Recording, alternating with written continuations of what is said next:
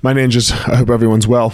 Um, a couple quick announcements. First, um, man, I'm really excited to announce that my friend Jeff Suskin is uh, he's a he puts on the best food festivals and the best festivals in Denver, and they're back. So if you live in Denver and you love tacos, Top Taco is the joint. It's it's the day. Make it happen. August the 26th. Thursday starts at 6 p.m. TopTaco.com. Go there, get your tickets, and man, it's the it's the most fun party in Denver of the summer. So TopTaco.com, get your tickets. August 26th, 6 p.m. Make it happen. All right, enough of the commercials. It's a rainy day here in Denver, in Colorado, and um, man I love rainy days. I love rainy days like this. It, it makes me think back to a very specific rainy day um, where I was sitting. I call him my Zadie. He's uh, my mom's dad, so my grandfather. Um, I think back to a day where he and I were sitting on their patio and playing cards because that's what we love to play. We love to play gin rummy, and we were just listening to the rain. And he told me how he likes to listen to the rain. Um, so that's where my day starts, you know, is there. And it was rainy all day yesterday and last night. And um, my wife and I were watching a TV show, Handmaid's Tale. And in this show, um, June, who was captured for years, um, gets freed.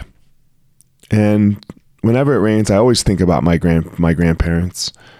And I looked at my wife and I said, "Man, I never asked them what it was like the day they got out of the camps. You know, uh, I, I, don't. I didn't ask them, and I was, and I so I, I, I couldn't, I couldn't, uh, I couldn't answer the question because at that moment in the TV show, June had just got freed, and the you know she was taking a shower and she just went in the shower in this really nice hotel room and and you know just locked the door and took a shower and went and then got in this really nice bed. I mean their experience was not like that obviously.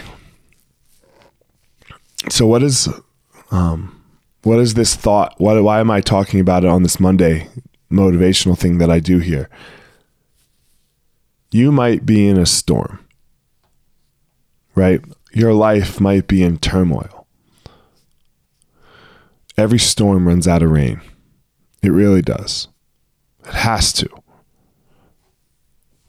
Even though I have no clue what the day looked like for my grandparents, you know, whenever they were liberated from the Nazis.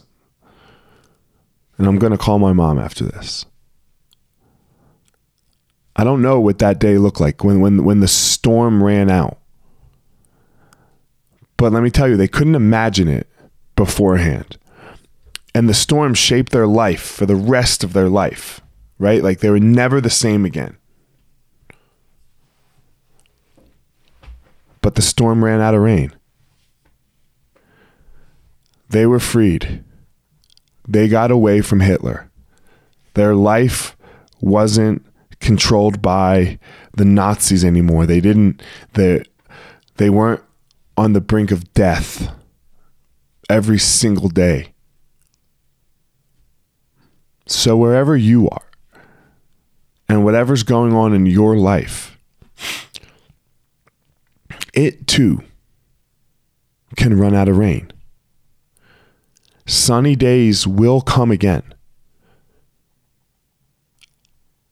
If you can hold on to nothing else, because I know, I know that there's times when we can hold on like you're just grasping. You're you don't even know how to grasp. You're just you're broken.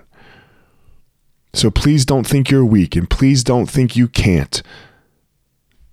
Hold on to the the single fact that it cannot rain forever. It's impossible. It's absolutely impossible. No matter what it feels like Know that somebody out there loves you and cares about you.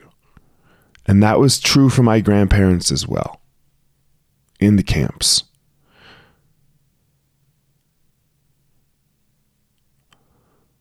That's it on this nice, beautiful, rainy day in Denver. Find your passion, find your power, and then go give your purpose to the world.